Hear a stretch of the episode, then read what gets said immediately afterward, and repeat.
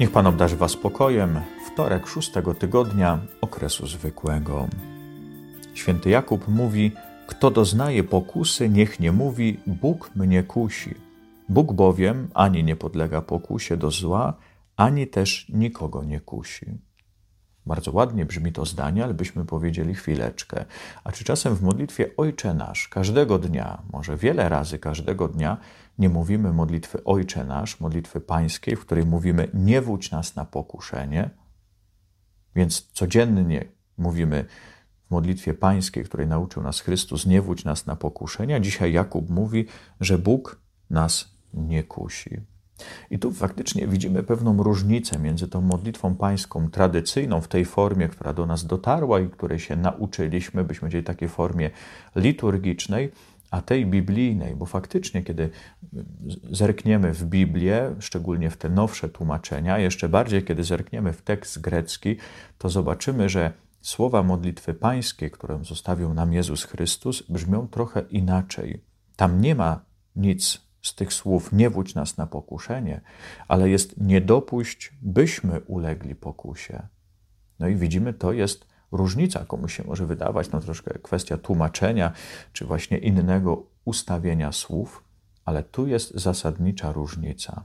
Czy myślimy o Bogu, że jest tym, który wodzi nas na pokuszenie, czy myślimy o Bogu, że jest tym, który nie dopuści do tego, gdy przyjdzie pokusa, abyśmy jej ulegli. Jest taka łacińska zasada, która mówi lex orandi, lex credendi, czyli jest, że jest pewne prawo wiary, jest prawo modlitwy i te dwa prawa wzajemnie na siebie działają, że to, jak się modlimy, wpływa na to, jak wierzymy, i czasami odwrotnie, jak wierzymy, tak się właśnie modlimy. Spróbujmy tą zasadę zaaplikować właśnie do tego fragmentu modlitwy Ojcze nasz. Właśnie to, co mówię, w jakiś sposób stwarza we mnie wiarę w to, jaki jest Bóg. Jeśli modlę się, nie wódź nas na pokuszenie, to cały czas będę myślał, że Bóg jest tym, który mnie sprawdza. Tym, który dał przykazania, troszkę tu różne pułapki, różne pokusy porozstawiał i teraz sprawdza. Wodzi mnie na pokuszenie, a ja muszę teraz zwyciężyć, muszę się tym pokusom opierać. Będę się tak modlił, a prawo mojej wiary, czyli właśnie w to, co wierzę, będzie takie, że taki jest Bóg. Ale jeśli będę wierzył, że Bóg jest tym, który nie chce dopuścić, bym uległ pokusie, to znaczy, że mam sprzymierzeńca, że owszem, tu będą pokusy, zaraz dowiemy się jakie, ale Bóg w tym wszystkim będzie mnie wspierał, będzie umacniał i będzie dawał łaskę, żebym tą pokusę odrzucił.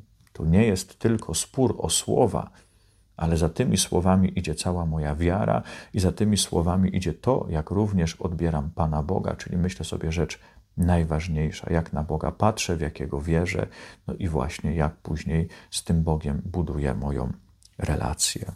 Jeśli Bóg nie kusi, to co w takim razie nas kusi? I na to odpowiada też święty Jakub. To własna porządliwość wystawia każdego na pokusę i nęci. Porządliwość, czyli właśnie ta pragnienie, pragnienie różnych rzeczy, często rzeczy niepotrzebnych albo może nawet i złych, właśnie ta pożądliwość. Chciałbym mieć zarówno dobra materialne i w sposób nieograniczony, bo przecież nie wiem, jaka jest granica, ile mi wystarczy.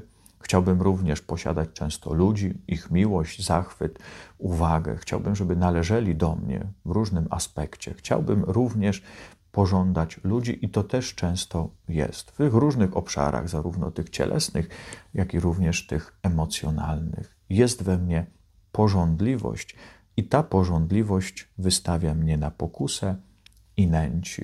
Sobie pomyślałem, że to jest taki trochę syreni śpiew. Wydaje się, że to jest piękny śpiew, wydaje się, że jak tam dotrę, tam gdzie właśnie te piękne dźwięki są wydawane, to tam będzie jak w raju a te syreny chcą mnie sprowadzić z tego dobrego, mojego właściwego kursu i sprawić, żebym nie dopłynął do celu. Mogę pójść za tym śpiewem, bo właśnie on mnie kusi i nęci i stwarza wrażenie, że tam będzie raj, a potem się okazuje, że schodzę z dobrego kursu i nigdzie nie dopłynąłem, a to, co mnie spotkało, to może być śmierć. Dlatego chcemy iść za Chrystusem, chcemy, aby i On nam pomagał. I dzisiaj ta Ewangelia pomaga nam zrozumieć trochę, jak możemy walczyć z tą porządliwością, czyli z tą chęcią zdobycia wszystkiego.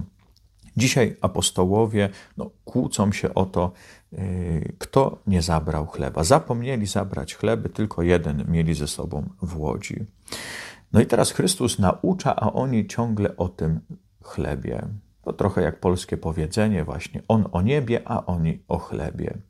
Więc w ogóle nie rozumieją tego, co do nich mówi, bo cały czas są skupieni na tym braku, że tylko jeden chleb. No byśmy powiedzieli faktycznie na 13 mężczyzn jeden chleb to zdecydowanie za mało. I kłótnia jest, no bo jest porządliwość, bo będą głodni, a potrzebują. Oczywiście trochę walka też o prestiż, kto tutaj jest winny, kto zapomniał, a kto jest niewinny, więc też tutaj się o to kłócą. I wtedy Chrystus interweniuje. Czemu rozprawiacie o tym, że nie macie chlebów? Jeszcze nie pojmujecie, nie rozumiecie? Tak otępiałe są wasze umysły. Mocne słowo. Mając oczy nie widzicie, mając uszy nie słyszycie.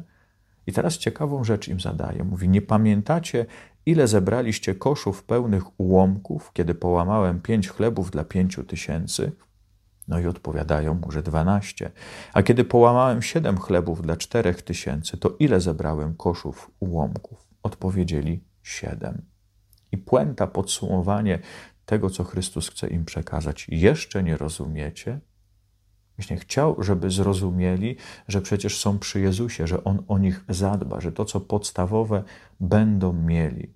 Właśnie lekarstwo na porządliwość, zobaczyć już, co mam, zobaczyć Boga, który prowadzi, zobaczyć Boga, który się opiekuje i Boga, który daje rzeczy podstawowe tutaj do życia, ale też i rzeczy podstawowe do zbawienia. Jeśli zobaczę Boga dobrego, Boga, który wspiera mnie w mojej drodze do nieba, Boga, który nie chce, żebym y, uległ pokusie, i Boga, który jest hojny w dawaniu, wtedy będzie to lekarstwo na tą porządliwość, że nie muszę mieć wszystkiego, bo to, co podstawowe, to, co najważniejsze, to zbawienne, już od Niego otrzymałem i cały czas otrzymuję.